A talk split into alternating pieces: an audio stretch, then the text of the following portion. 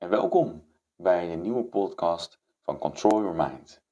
De podcast met tips voor echte rust in je hoofd en controle over je innerlijke stem. Vandaag gaan we het hebben over de pleaser.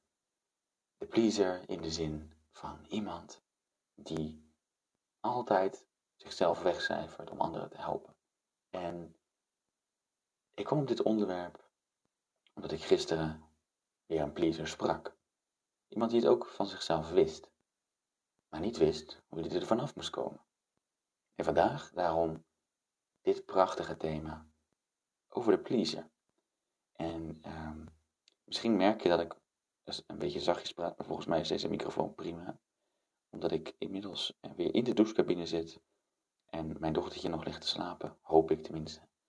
En het zou zomaar kunnen dat, uh, ik wil het niet manifesteren, maar zou maar kunnen dat het dadelijk eens een, een, een liefschattig stemmetje tussendoor hoort. Dan weet je dat ik ehm, ja, daarna ga afronden. Want dan is mijn dochter wakker. En dan ga ik pannenkoekjes voor haar bakken. Want dat is vandaag pannenkoekendag. Natuurlijk gezonde pannenkoekjes. Maar we gaan daar niet minder van genieten. Goed. Pleaser, ben jij eigenlijk een pleaser? Of herken je je misschien wel eens in dat je je eigen grenzen voorbij gaat? Of dat je te veel voor anderen gaat. Dat je eigenlijk geen zin hebt om naar die verjaardag te gaan, maar toch gaat. Of dat je uh, geen zin hebt om een bepaalde opdracht te doen. Dat je het eigenlijk niet goed voor je voelt, maar het toch doet. Uh, voor je werk. Of misschien je partner. Dat je eigenlijk uh, te veel aan het geven bent. En hoopt dat je er wat voor terugkrijgt, heel stiekem diep van binnen. terwijl je zegt dat je dat niet doet. Maar dat het eigenlijk altijd wachten is op een onvervulde behoefte. Vandaag ga ik het hebben over pleasen en ga ik je ook helpen om meer inzicht te krijgen in je eigen pleaser. En vervolgens ga ik je ook helpen om hoe je stappen kunt zetten om te stoppen met pleasegedrag. Want is iets wat uiteindelijk heel, heel veel ellende oplevert. Nou, als je nou denkt, nou ik ben niet zo'n pleaser, geloof me, bijna in iedereen, en, en in, inmiddels um, heb ik nog geen coachie van mij gesproken die ik het niet zie doen, um, is aan het pleasen. En dat heeft ook weer te maken met de innerlijke stem. Laten we beginnen met de oorsprong van, van pleasen. Laten we eens even definiëren wat pleasen is. Ja, pleasen komt, komt, van het woord uh, please, alsjeblieft. En, en, en heel veel mensen denken dat pleasen uh, daardoor te maken heeft met, met ontvangen, met please, alsjeblieft, mag ik het alsjeblieft. Please heeft ook te maken met geven, want als je zegt alsjeblieft, dan geef je ook iets. Eigenlijk is, is pleasen dus een soort alsjeblieft gedrag. En, en daar, zit het, daar zit het hem ook in. Het is een pleasen veroorzaakt, en dat zei ik ook gisteren tegen mijn coachie, een, een, een, een disbalans tussen geven en nemen. Het is een gecreëerde uitbalansraking van de balans die altijd eigenlijk in, in balans moet zijn. Daarom is de balans. Geven en nemen, dat zeggen we ook heel vaak, moet in balans zijn. Maar bij please zie je dat, dat, dat die balans compleet verstoord is. En, en vaak ga je door in het geven en vind je het ontzettend moeilijk om te nemen als je zelf de pleaser bent. En de tegenpartij heeft het precies andersom. Of die voelt zich ongemakkelijk en heeft eigenlijk geen uitweg. Dat zie je bijvoorbeeld in de relatie. Dat er één pleasende partner is. En die andere die wil niet per se heel veel ontvangen. Maar, maar die heeft geen andere keuze dan, dan dan het please-gedrag aan te nemen. Want anders, uh, als hij dat niet doet, dan voelt de pleaser zich afgewezen. Nou, en dan krijg je dus vaak relatieproblemen en heel veel gedoe. Dus pleasen gaat uiteindelijk ten koste van, van de pleaser, maar ook van de gepleasde. Het gaat ten koste van uh, niet alleen de, de, de balans, de energetische balans, maar ook de energiebalans. Want het kost ontzettend veel moeite zo ontzettend veel energie om altijd maar met pleasen bezig te zijn. Zelfs als je er onbewust van bent. En je gaat eigenlijk vaak over je eigen grens heen, waardoor het moeilijk is om, om, die energiebalans te bewaken. Kan je je voorstellen dat op het moment dat jij het lastig vindt om je eigen grens aan te geven en toch naar die verjaardag gaat, dat je daarna denkt, had ik het maar niet gedaan. Want daarna ben jij weer moe in je bed. Of dat je dat zelfs misschien zo erg is dat je zelfs het drankje accepteert wat je niet wil drinken met alcohol. En, en dan de volgende dag spijt, spijt hebt. En daar ook nog eens jezelf de schuld van geeft. Dat jij niet sterk genoeg bent. Wat op zich ergens wel een kern van waarheid heeft. Alleen De vraag is of het helpt om jezelf daar dan ook nog eens op af te wijzen. Please-gedrag zit hem dus heel erg, uh, is geboren uit de innerlijke criticus. Dat is degene die bang is voor jouw kwetsbaarheid. Uh, voor het tonen van kwetsbaarheid en het zelf inzetten uh, van, van je eigen waarheid. Het leven van je eigen waarheid is bijna niet mogelijk op het moment dat je uh, zelf met een innerlijke pleaser te maken hebt. En ik zeg ook bewust te maken met een innerlijke pleaser, omdat een pleaser een van de deelpersonen is in uh, wat we noemen uh, de deelpersonen mm. Deelpersonenbenadering. er zijn mensen die dit niet geloven, maar dat zijn ook dezelfde mensen die vaak nog steeds met dit probleem rondlopen. En, en zelf niet in staat zijn om te kijken van hoe komt het nou dat ik eigenlijk helemaal niet wil pleasen, maar het toch doe. Dan moet er dus wel sprake zijn van een andere persoon in jou, een deelpersoon, een deel van jouw mind, die is ontstaan om jou te beschermen en uh, nog steeds aan het pleasen is. Veel mensen die, um, ik, ik, sprak dus ook een, een, een coachie en op basis van dat verhaal ik een voorbeeld geven. Ik zeg, heb jij enig idee waarom je zo pleest? En ze zeiden, ja, ik ben, ik ben gepest uh, vroeger en ja, ik voelde me toen zo alleen, omdat ik er alleen voor stond, dat ik, um, en ik, ik, had een heel erg kort lontje en ik vond het heel, ik kon er niet tegen onrecht. En als er dan wat gebeurd was, zei ik er wat van en dan was ik een makkelijke pestprooi. Dat klopt ook helemaal wat hij zei. Alleen, wat hij zich misschien niet realiseerde en wat ik hem vertelde is, hoe zou het komen dat je überhaupt een pestprooi bent geworden? Was je misschien niet daarvoor al in deze rol veroordeeld? En toen gingen we terug naar het gezin van herkomst. De dominante vader. Die eigenlijk eh, heel strikt was. Heel veel structuur bood. En ook wel liefdevol was. Maar ontzettend dominant.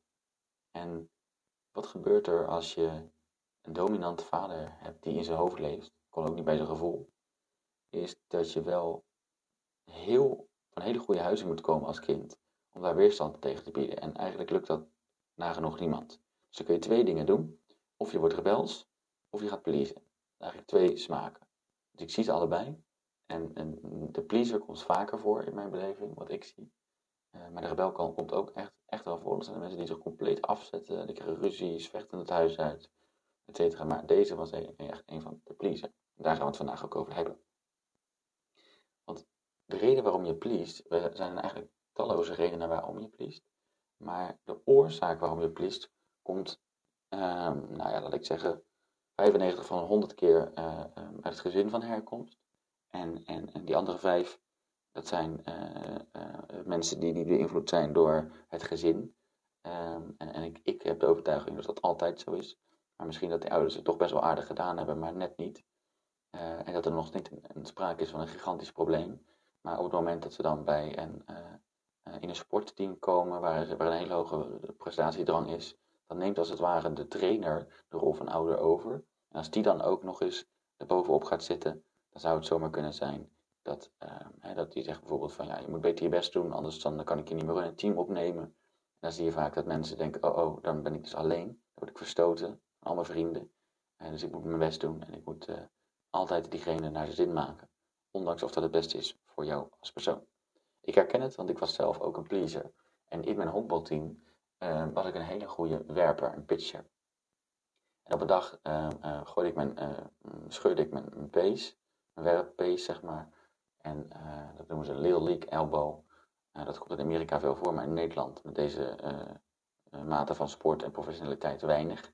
Omdat ik zo buiten mijn grens al liep en zo vaak moest gooien en in de groei zat, um, ja, lukte dat gewoon niet. Mijn lichaam kon dat niet aan. En op een, op een dag scheurde dus die pace af. En daarna heb ik nog drie maanden uh, verder gespeeld, terwijl dat bijna onmogelijk was. Puur op um, gedrag. Zo, zo heftig kan het dus zijn.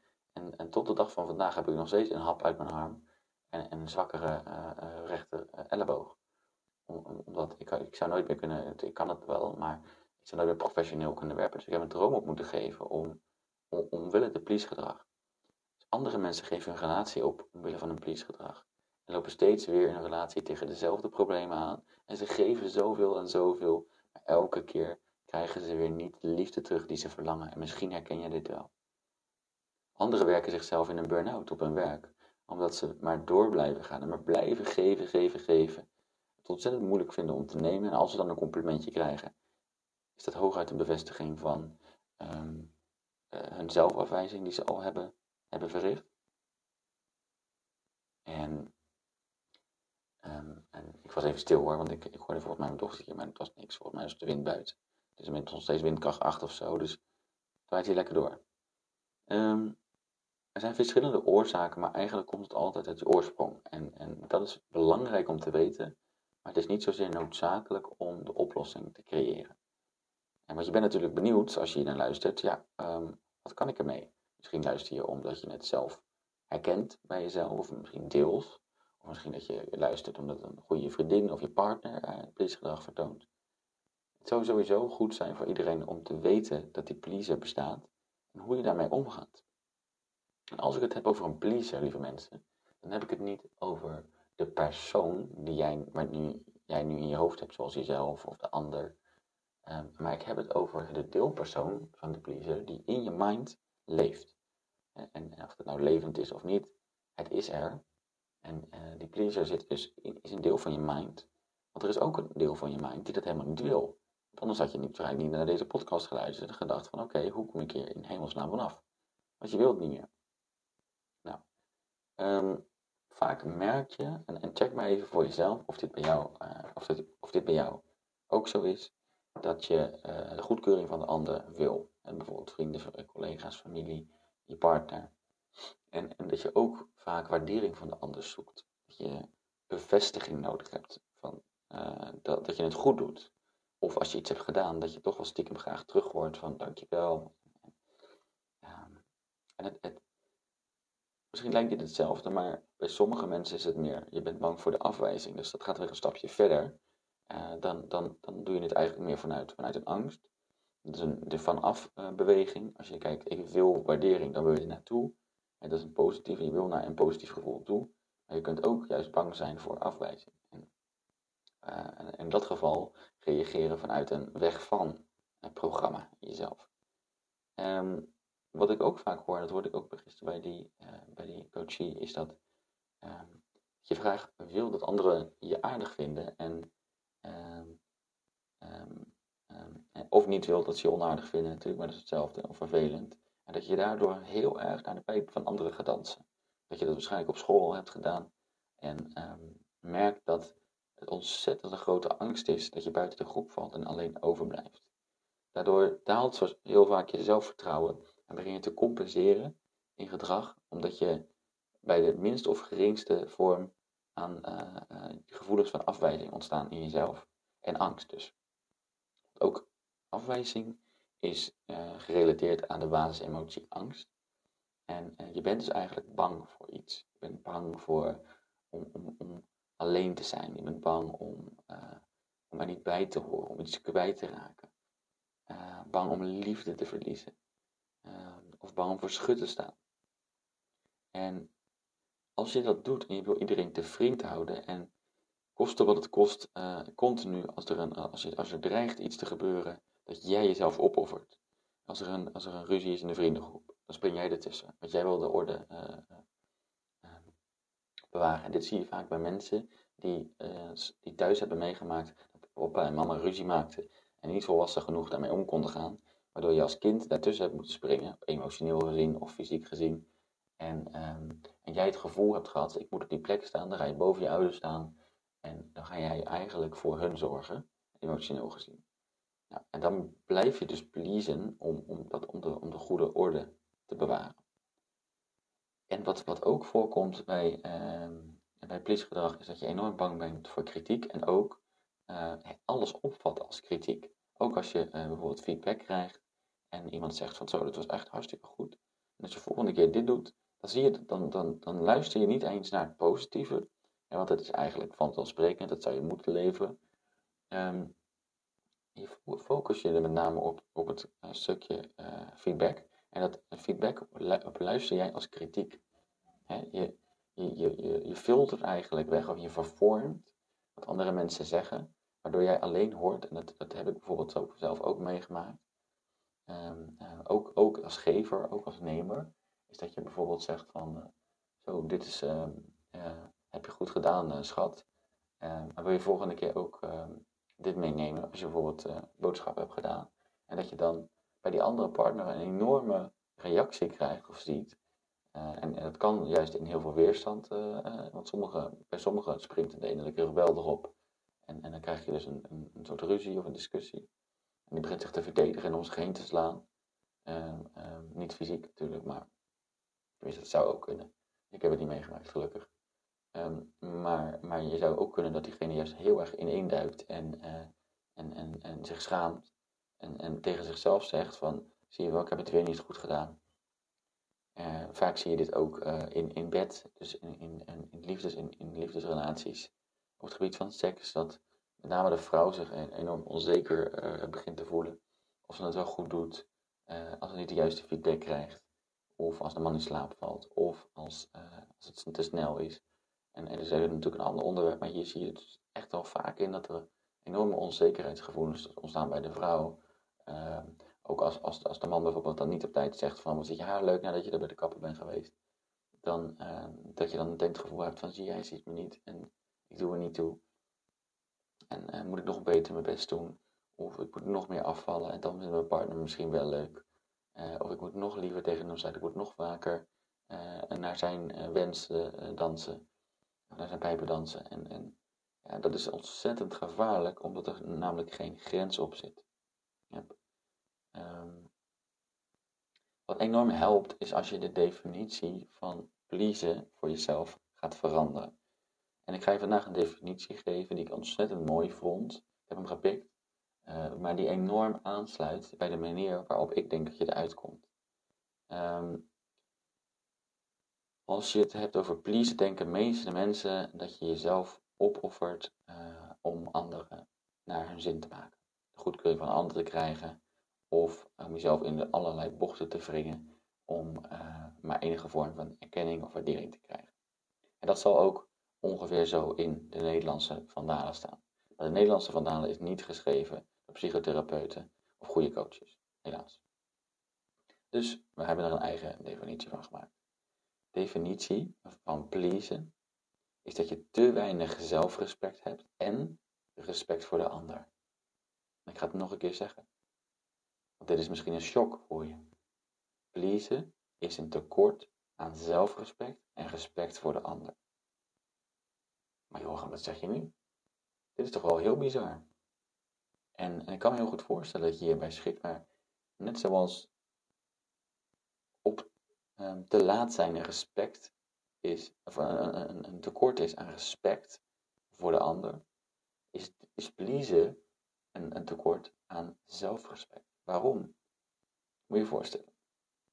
Bij, met pleasen, wat veel mensen uh, ontkennen, niet zien, en daardoor nooit uit hun please-gedrag komen, is dat ze zeggen, dat ze de overtuiging hebben dat pleasen heel goed is voor de ander.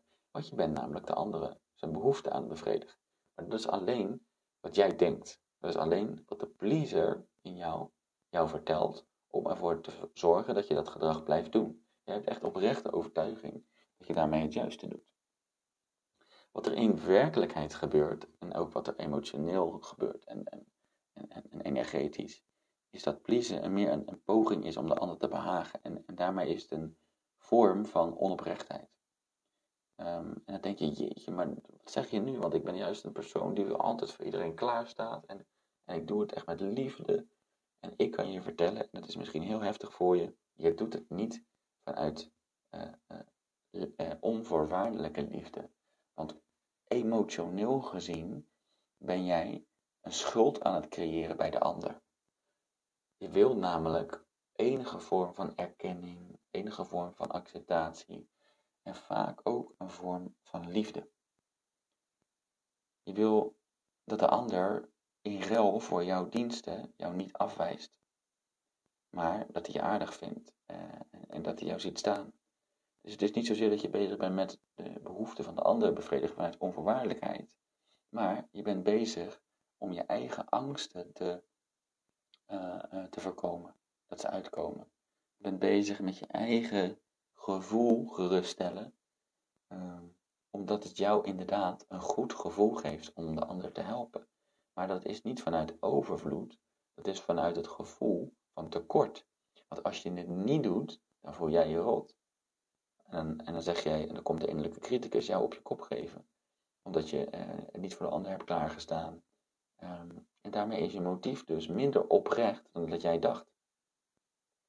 Want je wil namelijk voorkomen dat je de pijn van afwijzing, de pijn van, van uit de groep gestoten te zijn, van het, van het gepest worden, die wil je voorkomen. Dat inzicht bracht gisteren ook uh, uh, mijn coachie tot oké, dit is heftig. Dit, zo had ik het eigenlijk nog niet bekeken. Als je verder gaat, zou het, zou het zelfs een vorm van, van slijm, slijmen kunnen zijn. Je ego strelen. Dus dat, dat ego, dat is een deel, een deel van het ego is dus die pleaser. En je bent dus niet bezig met je gezonde ego, want dat is eigenlijk de manier hoe je eruit komt. Uh, maar met je uh, beperkt ego. En dat is dat kindsdeel in jou wat nog steeds zoveel pijn ervaart. En, dat begrijp ik heel goed. Want ik heb het namelijk zelf ook jaren gedaan. Ik ben niet voor niets uh, gescheiden van, van mijn ex, die toch, nou ja, laat ik zeggen, waar, waar ik een makkelijke prooi voor was op het moment dat ik een pleaser was. Ga verder niet in details ingaan om haar hoe zeg je dat, anonimiteit te respecteren. Um, want want dat, dat is niet vanuit angst, maar wel vanuit respect. Um, um, want, want ik ben daar verantwoordelijk voor geweest. Dat is een andere benaderingswijze. Dat je zegt, ja, maar doordat diegene zo dominant was en dat diegene dat heeft gedaan, dan zit je een slachtofferrol. En, en waar, je, waar je voor op moet passen, is dat je uh, en ja, voor jezelf opkomt, niet, in, vanuit de slachtofferrol meer vanuit overvloed van oké, ik ben nu onaantastbaar. Uh, diegene kan doen wat hij wil, uh, maar ik zit er nu anders in. Ik zit nu anders in de wedstrijd en ik, ik uit, uit respect, zeg maar, voor, voor, voor, de tegenstander, ga je niet eens de strijd aan. Echte strijders vechten niet. Dat ze weten dat ze de ander zo makkelijk af kunnen, dat ze, dat ze eigenlijk niet de strijd aangaan. Dus je weet altijd als iemand ruzie zoekt, hé, hey, dat is interessant. Is geen echte strijder. Maar goed, dat is even een stukje vechtsportachtergrond. Um, de gevolgen van, van, van, van politiegedrag, die, uh, nou ja, ik kan me voor. Ik hoop dat je begrijpt dat die gevolgen negatief zijn. Vaak. Um, in het begin van je uh, uh, politiecarrière zou het nog kunnen zijn dat je de overtuiging overeind houdt dat het goed voor je is. Maar je zult al snel merken dat dat helemaal niet goed voor je is. Want je doet dingen voor jezelf die, die goed zijn, je gaat over je eigen grenzen heen. Uh, je bent continu uh, energie aan het verspillen. Uh, je krijgt continu afwijzing op afwijzing op afwijzing, omdat je het toch nooit goed genoeg kan doen. En hoe, de, hoe goed de, bedoeld de reactie van de ander ook is, je blijft eigenlijk eh, met een tekort gedachte zitten. Met dat vervelende rotgevoel in jezelf.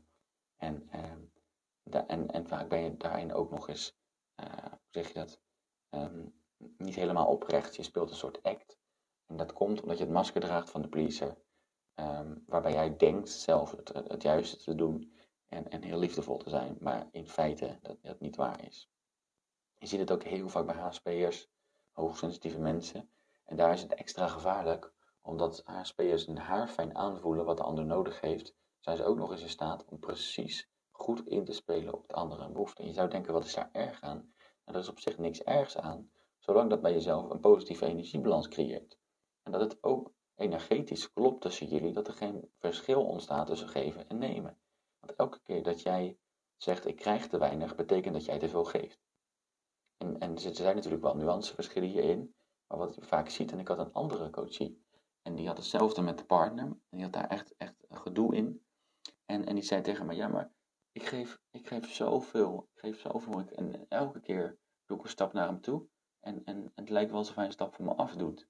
En hoe dichtbij ik ook kom, ik krijg nooit die knuffel terug. Of die, die arm om me heen. Hij zegt nooit terug dat, ik van, dat, dat hij van me houdt. Um, en ik doe alles voor hem. En toen dacht ik, ja. Maar stel je nou voor hè, dat we tegenover elkaar staan. Jij en ik, als partners. En um, ik sta uh, in het midden. En jij ook.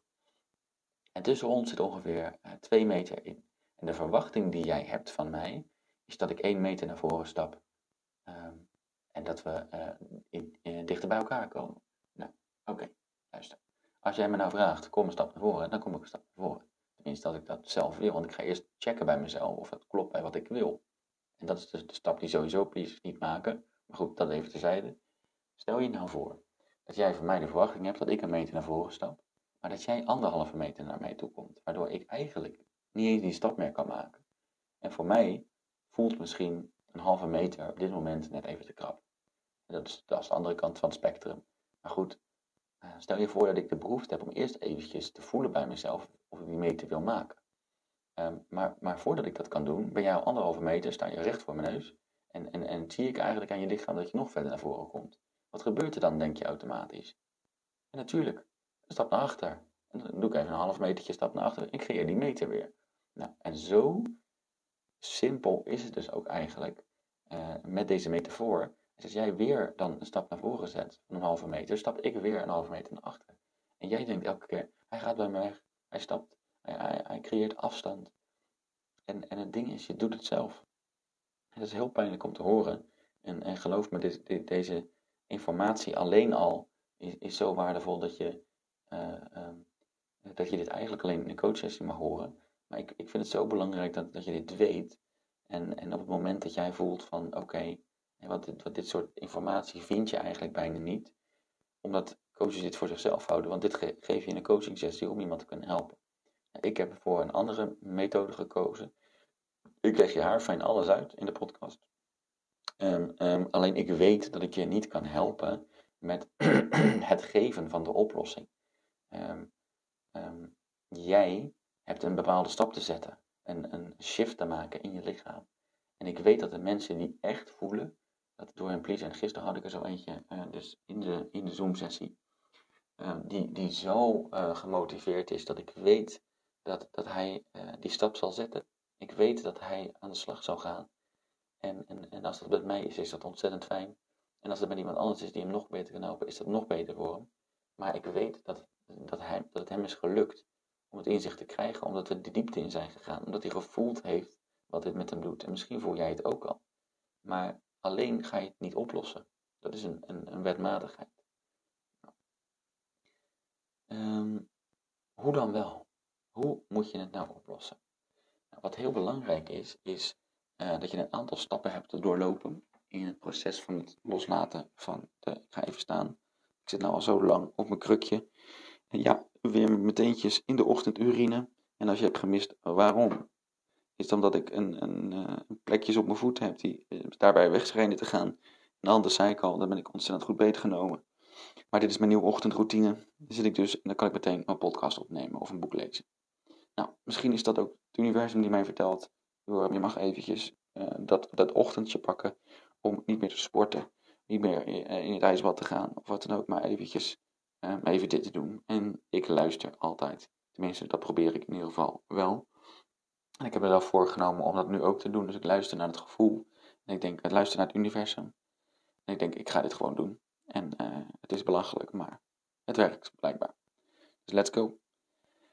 En tegelijkertijd, terwijl ik met mijn teentjes in mijn eigen ochtendurine zit, uh, het beeld erbij, als je die zoekt, uh, zie je Instagram. maar um, dan is het waarschijnlijk al weg. Um, um, het, is een, het is een bijzondere situatie, moet ik zeggen. Maar goed. Uh, please. Ik heb het zelf ook heel lang gedaan. En um, ik moet je zeggen, als je ermee stopt, is dat een van de grootste bevrijdingen die je jezelf kan geven. Uh, bij mij was het zo heftig dat ik hè, zelfs in een, in een relatie ben verstrikt geraakt en, en ten prooi ben gevallen voor, door iemand die even een beetje mijn, mijn houding veranderde. Sorry als ik tegen alles aan knal en alsnog dat je wat deurtjes hoort klapperen en dergelijke. Maar het is even niet anders. Um, um, wat, uh, um, wat je nodig hebt is de boiling point bereiken. Het, het, punt waarop je zegt, oké, okay, tot hier en, en niet verder. En wat veel mensen doen, is dat ze in dat boiling frog complex terechtkomen. En heel langzaamaan meer pijn krijgen. Heel langzaamaan meer afwijzing. En zichzelf in een depressie laten komen. Of erger. En, en dat wil je niet. Je wil eruit. Je wil stoppen met please-gedrag. Maar hoe dan? Hoe stop je nou je please-gedrag? Nou, please-gedrag, uh, daar zit een overtuiging onder. Er zit een overtuiging onder ehm, dat je niet goed genoeg bent eh, zoals je bent. Want je bent namelijk afgewezen. Ehm, en en daar, daarmee is je ego eigenlijk beschadigd. En wat je te doen hebt, is het herstellen van het gezonde ego. En hoe doe je dat, een gezond ego ontwikkelen? Nou, op het moment dat je pleest, zie je, uh, dan, beoordeel je vaak anderen, uh, omdat zij, en dat, dat, is dan weer de rebel die dan, dan mee komt doen, dat ze te egoïstisch zijn, dat ze te afstandelijk zijn, te ongevoelig zijn, omdat je de anderen vergelijkt met jezelf. Wat je eigenlijk wil is een nieuwe definitie maken van, van pleasen. En dat je die eens voor jezelf op gaat schrijven, wat ik net heb verteld. Dat pleasen een, een gebrek is aan zelfrespect. Dat, is, dat kan je denk ik wel plaatsen. En de meeste mensen snappen dat wel, want als je weinig zelfrespect hebt, uh, of tenminste als je weinig pleest, is dat per definitie zo. Dat je te weinig respect hebt voor je eigen grenzen, je eigen behoeften. En dat je de andere behoeften boven jezelf stelt. Dat, tot zover komen de, mensen, de meeste mensen nog wel. Maar op het moment dat jij in gaat zien dat um, pleasen een gebrek is aan respect voor de ander, dan raken de meeste mensen helemaal overstuur. Als ik ze dat vertel.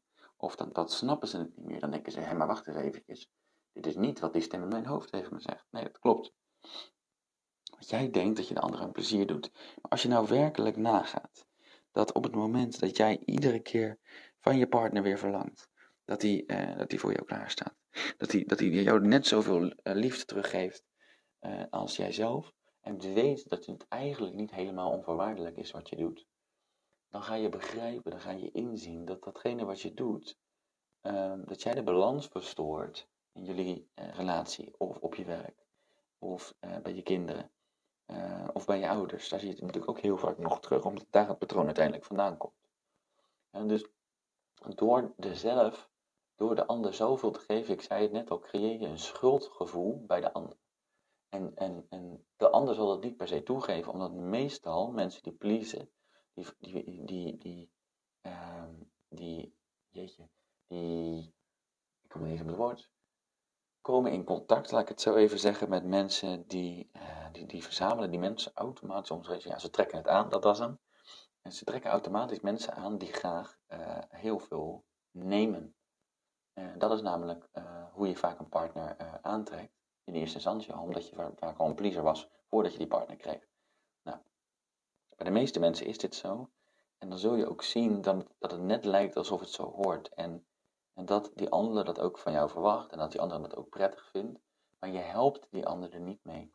Want die ander blijft ook in zijn proces zitten. of die ander rent van je weg. Of die andere die maakt misbruik van jou ontzettend veel geven. En, en zal ook dus heel weinig aan je teruggeven, omdat er ook helemaal geen ruimte is. Ik zeg altijd maar, als ik thuis kom en het hele huis is schoongemaakt, ja, dan dat nodigt voor mij niet uit om uh, nog te denken van, nou, zal ik nog de ramen nog een keertje doen? Want alles is al gedaan. En uh, dan kan je denken als partner van, ja, maar ik wil dat jij meer gaat doen. En ik wil het voorbeeld over, ik doe het toch ook. Maar op het moment dat het puin zo is en ik kom thuis, dan zou ik eerder zeggen van oké, misschien moet ik ook eens wat gaan doen. Er is geen pijn bij mij op het moment dat alles van me weg wordt gepoetst.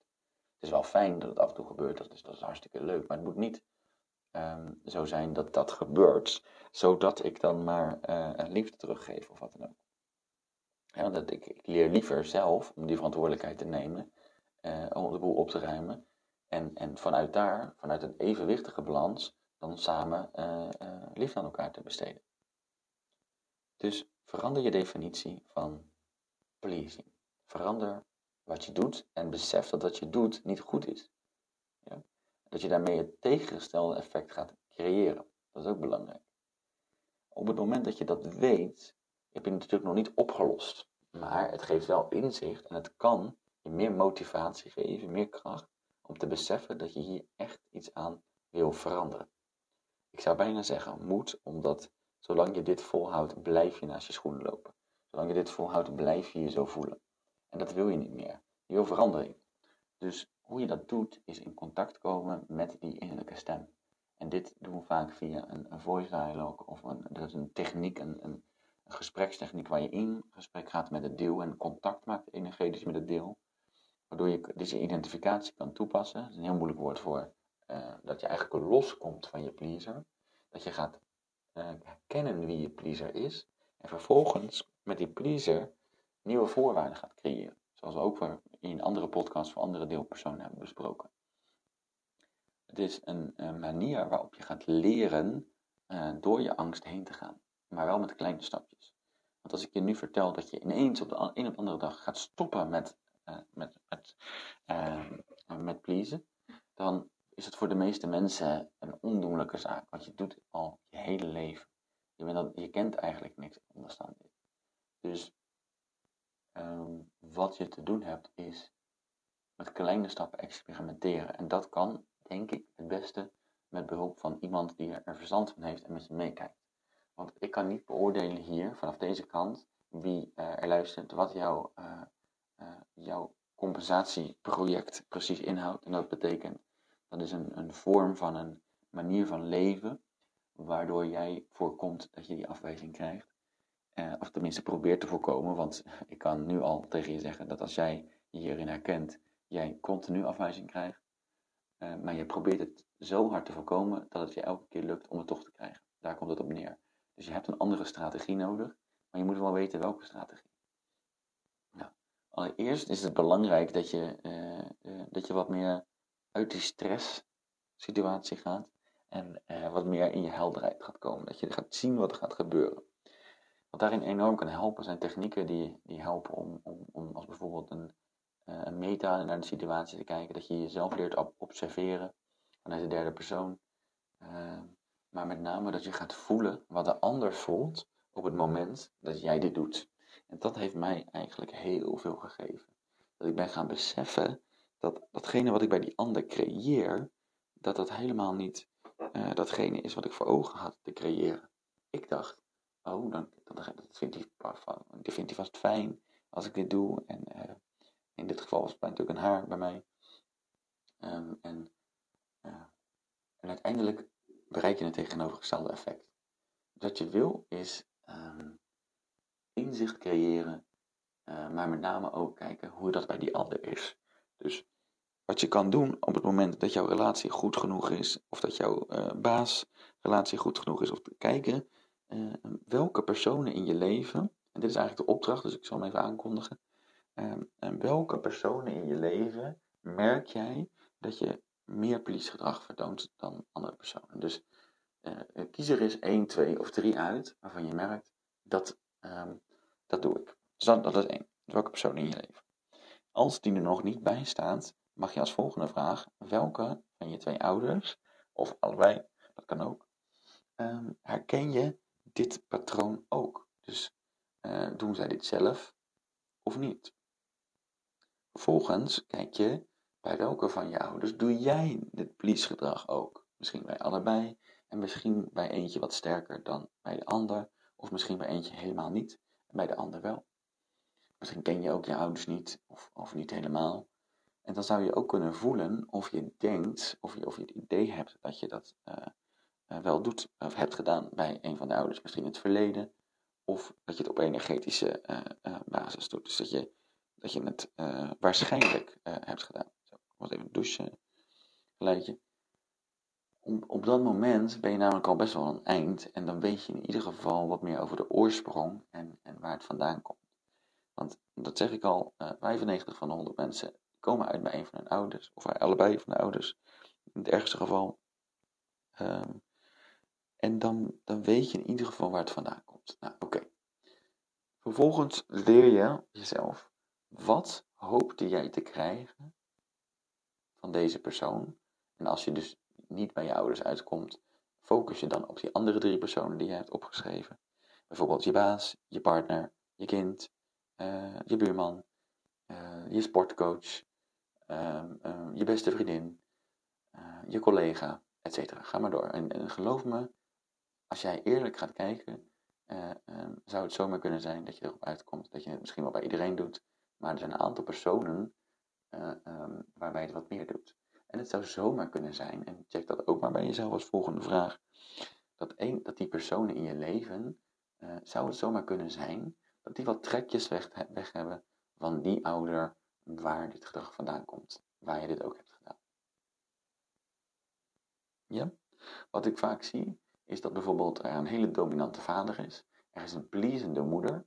En als, er dan ook nog een, als jij dan de dochter bent bijvoorbeeld, uh, uh, dan, dan, dat je dan als het ware uit, um, uit een soort loyaliteit naar je moeder ook je vader gaat pleasen. Of, uh, of een stuk van dat please-gedrag van je moeder overneemt om haar te ontlasten. En dan krijg je helemaal een scheve verhouding, want dan gaat het ook scheef met je moeder. En, en, en, en daarom is het zo belangrijk dat ik niet uh, in deze podcast meteen je probleem oplos. Zou ook heel bijzonder zijn natuurlijk, want je loopt er al heel je leven mee. Maar ik hoop dat deze vragen je wel ontzettend veel inzicht geven. Dat jij vervolgens kan besluiten, wat wil ik hier nou eigenlijk mee? Wil ik dit blijven doen? Of um, motiveert mij dit om hier daadwerkelijk echt iets aan te doen? Als je het antwoord op deze vragen hebt, uh, is dit eigenlijk een, een, mooie uh, methode om, om, om, om bij jezelf te kijken van... Um, uh, de volgende vraag, die, de laatste vraag die je nog uh, mag beantwoorden van mij, is: welke pijn ervaar ik van mijn eigen please-gedrag? Wat is de pijn? En dan kan je zeggen: ja, de pijn is dat ik uh, mijn grenzen overschrijd. Dat is niet je pijn. Want je grenzen overschrijden en dan, wat gebeurt er dan? Oké, als ik mijn grenzen overschrijd, dan uh, uh, heb ik geen energie. Dat is mijn pijn. Nee, dat is ook niet je pijn.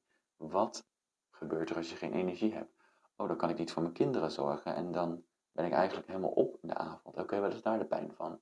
dat ik me eigenlijk uh, een slechte moeder uh, vind, voel. En ik, dat ik eigenlijk gewoon pijn heb en schuldgevoel naar mijn kinderen. omdat ik ze zoveel probeer te geven, maar er eigenlijk niet voor hen kan zijn. Omdat ik zo mijn best doe om, om, om gepleased te worden door anderen, dat ik eigenlijk zelf een onderdoor ga. En, en als ik zo doorga, weer in een burn-out terechtkom. En als ik dat gebeurt, kan ik eigenlijk weer niet de moeder zijn die ik wil zijn. En dan is datgene wat ik zo graag wil, namelijk anderen uh, pleasen en anderen helpen, laat ik het zo even positief benaderen, uh, en lukt niet meer. En, en ja, wat moet ik dan nog? En als je nou bij je echte pijn uitkomt, dan ga dan eens bij jezelf na uh, wat je ervoor over hebt om deze pijn vrij te laten. Om zelf pijnvrij te worden. Want als je daar komt, als je beseft dat, dat uh, sommige mensen hebben daarvoor nodig, dat, dat ze zich afvragen, hoe lang nog?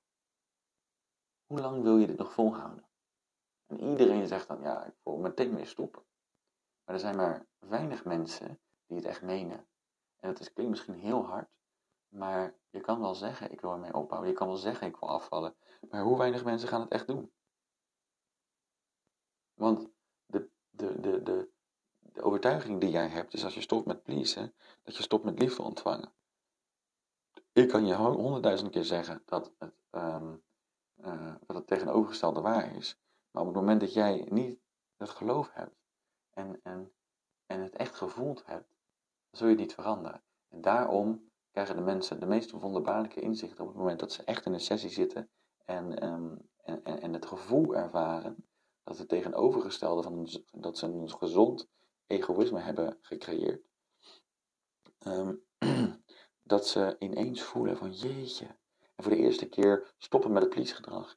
En beseffen dat het tegenovergestelde waar is. En dat is, dat is zo wonderbaarlijk. Alleen dat is ontzettend moeilijk om dat in je eentje te doen. Daarnaast is het altijd een op maat uh, pakket wat je moet hebben. Een op maat, een stap voor jou, dat kan ik vanaf hier niet inschatten. Ik weet niet eens wie je bent. Dus um, ik wil je wel leren kennen. En als je, dat, uh, als je er echt vanaf wil, kan je me contacten. Uh, schrijf je verhaal op en dan plan je een gratis gesprek in. En dan gaan we in op jouw specifieke gedrag. En dan ga ik je helpen om, om daar verandering in te brengen. Maar dat, moet, dat is voor een paar mensen weggelegd die er echt genoeg van hebben die beseffen dat als ze hiermee doorgaan, dat over tien jaar hun eigen kinderen ook pleasers worden. Ja, dat is eigenlijk datgene wat ik uit de sessie van gisteren haalde, is dat is het breekpunt. De meeste mensen zijn bereid om hun eigen leven op te offeren om het pleasegedrag in stand te houden. En dat klinkt misschien heel hard, maar het is wel waar. Maar op het moment dat de kinderen erbij komen en dat je beseft dat jouw gedrag ook op je kinderen wordt overgedragen. En dat zij die pijn die jij heel je leven moeten, ook nog een keertje over moeten doen ja, dan verandert er voor veel mensen wat. Dan snappen ze dat het een noodzaak is om het nu te veranderen, niet morgen, niet over een jaar of twee jaar, Want het uitstelgedrag zal je niet redden hierin. Daarvoor heb je de andere podcast te luisteren. Maar voor nu wil ik je vragen van hoe lang nog? Wanneer is het genoeg? En zou je met jezelf kunnen leven als je aan het einde van je leven bent, terugkijkt op je leven, heel je leven gepleased hebt? En welke gevolgen heeft dat als je dat doet? Welke gevolgen heeft dat voor je relatie, je carrière, voor jezelf, überhaupt je eigen gezondheid en ook voor je kinderen? En merk maar op wat het verschil is als je het had kunnen veranderen, wat voor leven er dan voor je ligt. En die levens liggen zo gigantisch zwaar uit elkaar dat je het misschien niet eens kan zien. Ik weet uit ervaring wat voor een enorme bevrijding dit kan zijn. En ik gun dit iedereen. Dus ik wens je enorm veel uh, succes met het maken van de opdrachten. Luister de vragen nog een keer en, en schrijf mee. Schrijf op wat er in je opkomt. Doseer de eventueel de podcast en schrijf zoveel mogelijk op. En merk dan maar op wat het bij jou losmaakt en wat je vervolgens mee wil. Nou, de drie kwartier coaching zit er alweer op. Um, ik zeg bijna bewust coaching sessie. En het is misschien ook wel dat ik eigenlijk veel te veel weggeef. Uh, uh, andere mensen die zullen hooguit een, uh, hoe zeg je dat? Zo'n blogberichtje schrijven waar je helemaal niks aan hebt. Drie tips om minder te pleasen. niemand weet, ja, niemand past die, past die tips ook daadwerkelijk toe. En het zijn vaak zulke open deuren, dat snap je zelf ook wel. Ik hoop dat je dus hier wat meer waarde hebt gekregen en dat je meer inzicht hebt gekregen en nu beseft van oké, ehm, ik heb hier dit te veranderen. En als het goed voor je voelt, deel er dan wat van. Deel dan deze podcast uh, met een, een tag inner control, zodat we ook weten dat die goed beluisterd wordt, zodat we weten dat, je, dat jij ermee geholpen bent. Geef een 5 sterren rating, uh, zodat we ook gevonden kunnen worden in de Spotify channels. En daarmee help je ons enorm op weg. En als je het waardevol voor je was, ik je vragen om ook wat waarde terug te geven.